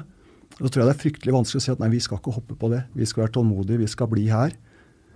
Eh, og det tar tid å bli god, da. Og så kan du sikkert bli god hvis du bytter klubb, og noen passer det sikkert helt topp for. Men ikke så mange som gjør det. For det er så veldig mange som bytter klubb. Og noen sier at noen klubber er veldig gode til å utvikle spillere. Mm, er de gode til det, eller er de gode til å finne de beste spillerne fra andre klubber? Jeg tror kanskje det er ganske mye av det siste. Mm. Marius Ratt, onkelen til unga, han sier det veldig fint, han den gamle hockeyspilleren. Han var veldig god, forresten. Han sier at de beste blir jo best til slutt. Ja. Så enkelt. Jeg har bedt deg om å sette opp eh, din eh, fire norske fotballstjerners middag. Må de være stjerner, eller? Nei, det kan være hvem som helst, det. Det kan være hvem som helst. Jeg må først ha en som er god til å lage mat, da. Ja, det, ja, ja hvis du tenker det, så. Ja, hvis det er middag, så må jeg ha en som kan lage mat. Ja. Du skal lage maten sjøl, skal du ikke det? Jo, det kan du jo. Ja, Så må, det være norske. Norske, altså Det kan være alt fra eh, fotballprofiler eller trenere, eksperter, journalister. Ja. Nei, Jeg tror vi skal, skal ha med Ståle Andersen fra Vålerenga. Lille-Pep. Han burde trent Vålerenga. Jeg vil anbefale Vålerenga å ansette Ståle Andersen etter Ronny Deila. Ja. Ja, Det tror jeg har vært en kjempeansettelse. Hvor er han nå? Ståle er på Ekeberg, han nå. Ja. Ja, altså bare hjemme, da. Han trener ikke noe lag. Han, eh, han trente jo K5 fra tredje til førstedivisjon og, og, og, og veldig flink trener. Opptatt av utvikling. Så jeg, jeg, har veldig troa på han som trener. Så han er veldig god til å lage mat. Eh, han kan vi ha med. Kan vi ikke ta med andre må være fotballstjerner? Nei, nei altså, vi må- det er jo vi- stjerner i dine jeg tror vi øyne. må ha, Ja, stjerner må ha med, må ha med noen solide, litt store folk. Hvis det blir noe trøbbel, må ha med Erik Noppi. Okay. Erik må Som være med. dørvakt, på en måte? Nei, bare være med. Han spiser og er sulten, og da, han har svær, da. Mm. Så vi tar med Erik. Da, nå er det én igjen, eller? Eh, ja. Må vi, må vi få med en, en eller annen til? Vi må få med en med litt fart i, tror jeg. I tilfelle det blir kjedelig. Ta med Erling Ytterland. Han er ikke så svær, han er veldig tynn. Han har masse energi. Nå blir Marvin Arnesen sur for at han ikke blir bedt. Men han kommer allikevel, selv om han ikke er bedt. Så jeg tenker at vi, vi tar med det. Det blir, blir en fin gjeng. Hva blir servert, da? Jeg må spørre Ståle om han skal lage maten. Det blir, det blir sikkert noe sånn jålemat. Sushi eller noe sånt noe. Hva blir temaene rundt bordet, da? Temaene rundt bordet Nei, Det blir jo at folk øh, Jeg gjetter på at vi skal snakke litt om hvordan vi kunne blitt bedre. og der synes jeg Ståle, Ståle sier det veldig bra. Apropos det med seriøsitet og skulle vi gått ut mindre og sånn, så sier Ståle nei, nei, nei. Det er ikke der. Vi skulle gått ut mye mer! Vi skulle vært ute mye mer. Vi hadde bare blitt marginalt dårligere. Vi gikk ut altfor lite. På byen, ja. Ja, vi skulle levd mye mer. Vi har jo levd som munker. Vi har ikke gjort noen ting. Vi har ikke vært på hyttetur, vi har ikke vært i Syden. Vi har ikke stått på ski. Vi har bare trent. Vi skulle gjort mye mer. Nå er vi middelaldrende menn, det er forbi. Hvorfor? Vi hadde blitt marginalt dårligere. Vi hadde sannsynligvis ikke blitt noe særlig mye bedre om vi hadde vært bitte litt mer seriøse. Jeg, veit ikke om han har rett, da. Dette er toppfotball. Og så har vi fått inn veldig mye lyttspørsmål, og jeg tipper nesten at det tikker inn nesten mens vi sitter her. Eh, Vi må ta et fra vår kjære toppfotballvenn Jørgen Isnes, som lurer på om du har bilde av Dorte Skappel og deg sjæl fortsatt, og befinner det seg fremdeles bak i bilen din. Jeg veit hvor det bildet er, Jørgen. Jeg har det på jobben. Fordi du var avbilda Var det i Se og Hør? Det var i det nye, og, Ja. og så havna det bildet på alle busser og trikker i Oslo. Ja. Av en ammende Dorte Skappel, var det noe sånt? Nei, hun amma ikke, men hun, hun hadde akkurat fått barn, og, Ja. og da blir, blir jo brystene litt større. Så vi var jo ganske lettkledde begge to på det bildet. Riktig. Ja, og det var liksom smurt utover alle busser i, og sånn i Oslo, og trikker en periode. Men var dette, Når var dette? Tidlig på 90-tallet. Ja. Ja, 91 eller noe sånt, kanskje. Var, hvorfor var Anders Jacobsen med på det bildet? Nei, jeg tror det var det at eh, jeg hadde det lange, svære håret som noen syntes var fint. Ja, Eye Candy. Ja, mye hår i hvert fall. da.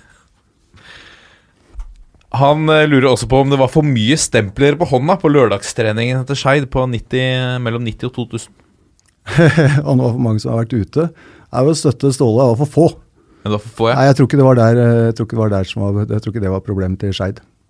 Det var andre issues? Ja, altså Problemet til Skeid er at de ikke klarer å beholde de beste spillerne lenge nok. De mister det jo hver gang en gjør det bra, så blir spillerne borte. Ja. Er, og de blir ikke borte på diskotek, de blir jo borte til en annen klubb. ja. Hadde de vært med på diskotek, så hadde de vært fortsatt i Skeid. Ja, ja, det er sant. Det er veldig sant. Mest sannsynlig. Ja, ja. Ja. Erik Noppi, eh, din gamle midtstopperkompanjong, og eh, han skulle også komme på middag. Han eh, sier at han savna deg på Birken. Hvor var du? Nei, jeg, var, jeg, jeg var på Birken, men jeg sykla og ga cola til mannen til søstera mi. Ok. Ja, men jeg skal, jeg skal bli med og sykle Birken til neste år, Erik. Lover det. Vi raser videre. Lars Kjernås lurer på hva er det nest største han har vært med på? Det største sier seg selv. Han har jo trent Årvoll. Det nest største Ja. Eh, etter å, å trene Årvoll. Ja, det blir så vanskelig også å finne noe som er i nærheten av det, da. Det blir sånn eh, lost for words, eller hva det heter. Men det må vel å, å bli far, tenker jeg, da. Ja. Ja, altså, Det er jo på, nesten på høyde med å trene Årvoll. Det skal også sies at veldig mange på A-laget til Årvoll var barn, selv om de var 30 år gamle. Ja, ikke sant. Men det, du eh, mener jo at man skal trene seniorlag som barn? Ja, det, bør man gjøre. Ja. Det mener jeg i, i, i forhold til det at når du har med barn å gjøre, så er du veldig opptatt av å lage gode relasjoner. Du er i hvert fall veldig opptatt av at du ikke skal misbruke posisjonen din i forhold til at du har mer eh, makt, på en måte. da. Mm. Uh, og så er du klar over at du, du vet at barn kommer til å utvikle seg, helt sikker på det. Og så vet du at det kan ta litt tid. Tom Stalsberg lurer på åssen det går med diktinga. Diktinga? Eh, Jeg har prøvd å skrive et par dikt, eh, Tom. Ingen av de eh, har vært så veldig gode, men jeg jobber med å skrive dikt om å være midtstopper. Å ja. Ja, fordi Tom har spurt om det går an å lage en diktsamling om å, være midtstopper. Jeg har prøvd, jeg har ikke fått det til. Får vi se noe publisert et eller annet sted? I bakrommet, kanskje? Ja, Det må jo være for forlag som ønsker å gå konkurs, da. Eller aviser som ikke vil ha lesere. Hvis det er noen der ute som har for mye penger, Ja, ta kontakt. ja. Um, og et spørsmål fra Siri Jacobsen, din søster. Hvordan var det å ha en så støttende, støttende lillesøster opp gjennom fotballkarrieren? En som kunne brukes som målvakt i kjelleren, sentringspartner for tennisballfotball, testkanin, slave og fotograf. Ja, Hun var utrolig lojal og var veldig flink til å hjelpe meg med ting når jeg ville trene og sånn. Men jeg, og så var jeg, var jeg veldig jeg var, inne, jeg var veldig stolt når jeg hadde gått til Vålerenga. Så hadde jeg fått sånn bil med masse sånn Vålerenga-ting på. Så hadde jeg, hadde jeg masse sånn, skaffa noe reklame og sånn på den. Og så hadde jeg fått en sånn fin jakke. Sånn stor, jeg var veldig veldig stolt, så hun drev og tok bilder av meg med den. da. Og det, Hun driver og bruker det mye mot meg nå. Men søstera mi er en fantastisk person. Utrolig godt humør. Og har veldig troa på at ting går bra. Så uh, å si, uten en sterk lillesøster, ingen tøffe midtstoppere. Hadde du alltid tro på at du skulle bli englandsproff, da? Mer enn deg selv? Nei, det tror jeg ingen som hadde noe tro på, egentlig. Hvordan var det å kombinere karrieren som fotomodell med å spille i Vålerenga? Spør Tobias Årdal. Eh, ja, Tobias Årdal. Det kan jeg svare deg på. Eh, vi spilte mot Strømmen en gang. Så kom det en eh, lang ball som spratt litt utafor 16-meteren. Jeg, jeg spilte spiss i den kampen. Så valgte jeg Det var ett minutt igjen, vi leda 4-0, så jeg bestemte da å satse alt på å vinne den ballen. Og den vant jeg, men jeg tror han eh, Arildseth, fra keeperen til Strømmen het, han traff bare meg Ja. og ikke noe annet. Og da hadde jeg et sånn modelloppdrag dagen etterpå. Jeg kom dit med brukket nese og, og, og blåveis på begge, begge øyne. Uh, så, så det er veldig vanskelig å kombinere. Ja. Hva sa de da? De var ikke veldig fornøyd med Altså de eh, modellbyrå? Nei, de syns ikke, jeg- de syns ikke jeg var eye candy. Rett og slett. Jonny Normann Olsen, uh, Scheid, uh, Han er vel en del av Skeid-oksene, også programleder i den eminente podkasten Våre beste menn. Han uh, lurer på om midtstopperparet Jacobsen-Noppi i Skeid er det mest robuste midtstopperparet i norsk fotballs historie. Vi er, vi er kanskje det tyngste da, i en, per- i en periode. Vi, vi, det var veldig gøy å spille sammen med Erik. Veldig rolig fyr. Vi hadde en kamp, jeg husker ikke hvem det var mot, det kanskje var Hødd eller noe sånt borte. Det var Myklebust, veldig rask spiss, ble spilt uh, aleine med keeper, og Erik og jeg står på midtstreken med armen i været. Men det er ikke offside. Og så vurderer vi begge to, ser på hverandre, skal vi løpe etter? Vi velger å ikke gjøre det. Kjell Sverre var jævlig sur. Så dere må jo løpe etter, gutta! Hva om han bommer? Da sa Erik så rolig som han bare sa, vi må ikke avsløre hvor trege vi har blitt. Så vi var nok vi var, så, vi var solide på noe, men vi hadde vel ikke så mye fart på slutten. Jeg var vel 35 og han 34, og vi var litt, vi var litt slitne. Fantastisk. Skulle gjerne vært på sidelinja når eh, dere to spilte, spilte. Jeg kan se for meg det var et, eh, var et tungt stoppepar, som du sier. Ja, vi var i hvert fall gode til å rydde unna på innlegg og sånn. Det gjorde vi bra. Så hadde vi jo de to de unge Daniel, og veldig rart lag, da. Det var to gamle menn bak, egentlig så gamle ut også. Så hadde vi de to Danielene litt lenger framme. Fredheim Holm og Bråten. Og Bråten, ja. Vi slo ut Molde i cupen, husker jeg. Da, da skulle Erik finne plakat inne på Molde stadion. Han ville ikke, ville ikke inn i garderoben. Så spurte Erik hva jeg skal nå. Nei, jeg må finne en plakat. Hva skal jeg skrive på den? Daniel Bråten var så god. Jeg skal bare skrive 'Heia Daniel'. Vi gjorde jo ikke noe, vi andre bare sto og så på. Det var Daniel mot Molde. Vi vant 1-0. Bra gjort av Bråten. Fantastisk. Rino Prent, eh, min tidligere lagkamerat i, i 7. divisjonslaget Ørn Christiania, og pappa på eh, for en av spillerne på laget ditt. Han lurer på eh, Har du større trenerambisjoner for framtida? For du har for tida stor suksess med Årvolls gutter 14. Jeg er veldig fornøyd med å være der jeg er i fotballivet mitt nå. Syns det er veldig givende å få lov til å holde på med barn og ungdom som, eh, ja, som du ser at koser seg med fotballen sin. Eh, får være med på oppveksten deres. Eh, så er det vel veldig vanskelig også å få sparken for, i ungdomsfotballen og barnefotballen. Så foreløpig nei, men eh, jeg har prøvd å si at jeg aldri skal trene et A-lag igjen. Men noen ganger så glemmer jeg meg bort og tenker at det hadde vært veldig gøy. Men jeg, jeg tror ikke det skjer i år, til neste år. Anders Søvik uh, lurer på Som trener, hvilken keeper du har trent, har hatt dårligst tilslag? Ja, det er ikke noe å lure på. Det er han som har stilt spørsmålet. Det er Anders Søvik, keeper i Kjelsås og Skeid. Er så sterk, Anders Søvik! Utrolig og bra fyr. Kjempesterk, trener masse styrke. Han sparker den ballen så hardt. Og så beveger den seg som en våt polvott. Det er like mystisk som religion. Det er ikke til å forstå. Det, han hadde jo egen tilslagstrener også, uten at det hjalp. Egen tilslagstrener. Egen tilslagstrener. Så jeg må si det til Anders Sjøvik, at det, det er Anders Sjøvik som er den spilleren jeg har trent som har hatt det dårligste tilslaget. Han forventa det svaret.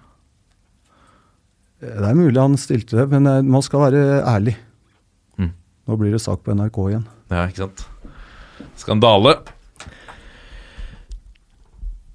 Hvilken engelsk klubb av de tre du spilte for, har du sterkest forhold til i dag, da? Spør Jørgen Eide. Ja, Det er ikke noe å lure på, det er Stoke.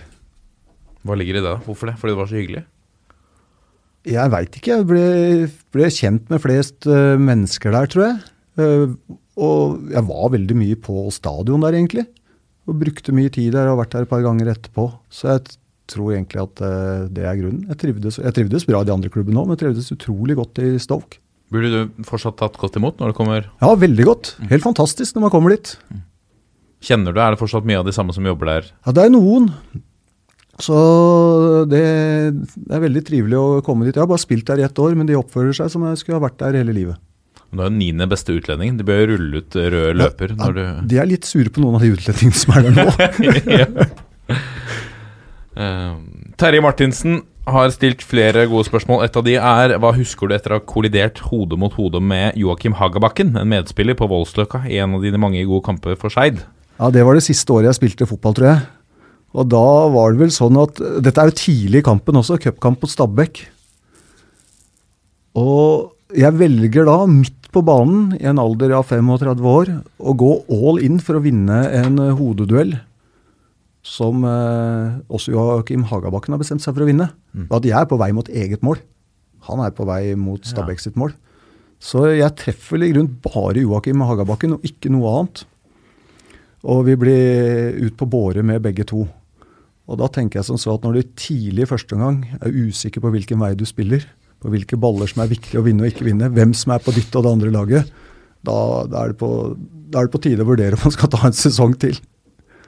Men Har du slitt med noe? Han spør om har du synlige skader ennå, eller er det mer på det psykiske plan?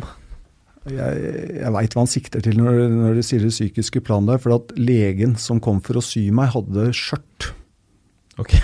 Og hun stilte seg bredbent over hodet mitt. Så når jeg kom til bevissthet, så var det første jeg festa blikket på, det var noe inni et skjørt. Okay. Så, men eh, psykisk så begynner jeg å nærme meg balanse. Jeg har fortsatt eh, litt arr. Det ble en god del sting. Har du hatt en kamp eh, der alt klaffa? Spør Kokonomics. Nei, jeg har ikke hatt noen kamper jeg alt har klaffa. Jeg har hatt, spilt noen gode kamper og mange ganske dårlige, og flesteparten helt eh, middels, tror jeg. Hvilken, kamp- hvilken kamp er den beste? Husker du en skikkelig god kamp? Jeg tror jeg spilte ganske bra mot Slemmestad en gang, med A-laget i Asker i 2. divisjon. Skåra et mål og hadde fire målgivende eller noe sånt. Oi. Det var ganske bra. Som stopper? Nei, jeg spilte midtbane da. Spilte Ja. Sentral midtbane. Det var ikke så aller verst. Sånn, hvert fall på sånn, eh, hvis det har vært sånn, der, sånn som folk spiller sånn som manager nå, så har det blitt veldig mange poeng på det. Fantasy, ja. Ja, Fantasy, ja. Ja, ja, Det, var, det var fantasy, den kampen der. Asker Slemmestad, lokaloppgjør i 2. divisjon. 86 eller noe sånt. Så tar vi med siste spørsmål fra Arne Knoff. Du må spørre hvordan det var å bli årets spiller i Stoke. Ja, men Det har jeg aldri vært, så det veit jeg jo ikke- Kanskje han sikter niende beste, av utlending. Ja, hvordan er det? det er helt fantastisk. Å og være Stokes niende beste utlending, det er helt utrolig. Bør prøves. Fantastisk. Anders, du skal eh, haste videre. Du er jo en, eh, du er en travel mann, selvfølgelig. Eh, nå har du satt din caretaker-manager til, til å ta seg av kampen i dag med Ja, nå er, det altså, nå, er, det- nå er det altså ikke så veldig lenge til Årvoll Lyn spiller kamp. Men uh, der er Patrick Norvoll caretaker manager. Han har ikke keeper i dag. Tre keepere, alle har meldt forfall. si det. Ja, dette slippes jo etter kampen, så Ja, ja. Og, men uh, nå, jeg skal på boklansering jeg nå, Ja. så det, det blir kjempebra. Så skal jeg på, høre på Nasneen Khan snakke, og hun har skrevet bok om London, om det flerkulturelle London, om eh, ulike bydeler og sånn i London. Det blir veldig spennende.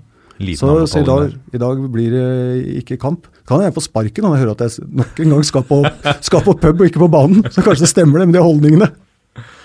Fantastisk. Anders Jacobsen, tusen hjertelig takk for at du kom. Jo, også en ting til som jeg vil si helt på slutten, og det er at det er viktig å sette seg nye mål i livet og gjøre nye ting. Så jeg har lova å si én ting som jeg går til en kompis, og det er Øyvind Bjerkestrand. Du må aldri, aldri gi opp jakten på Arne Treholts tid på maraton. 2.53,07. Øyvind, du kan klare det. Du er 51 år, kanskje 50. Og Ståle Andersen mener at vi blir bedre til vi blir 54. Da har han et par år igjen. Han har litt igjen. Takk for at du kom, Anders. Bare hyggelig. Vi er eh, Toppfotball på Facebook, Twitter og Instagram. Gå gjerne inn og legge ned rating også, så blir vi veldig fornøyd. Og så må jeg avslutte på sedvanlig vis på 1, 2, 3. Vi er en gjeng. Ha det!